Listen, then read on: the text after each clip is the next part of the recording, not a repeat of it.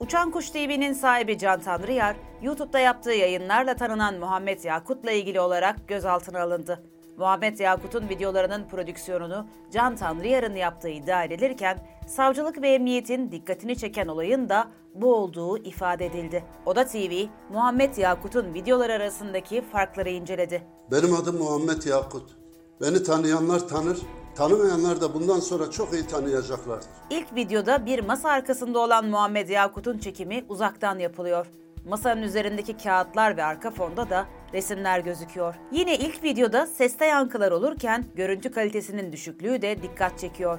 Bunun aksini kim iddia ederse onları çocuklarının yüzüne bakamaz duruma getireceğim.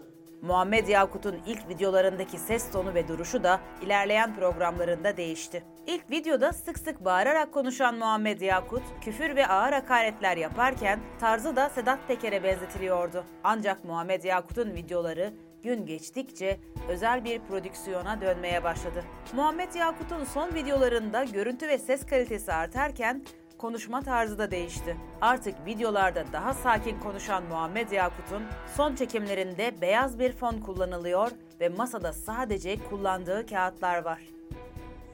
Merhabalar. Benim güzel yurdumun insanları. Beni çok iyi bir fenomen yaptınız. Ama bugün inanın küfürün K harfi yok bu videoda. Ama benim de sizden ricam bu videoyu çok iyi ve dikkatli izleyin.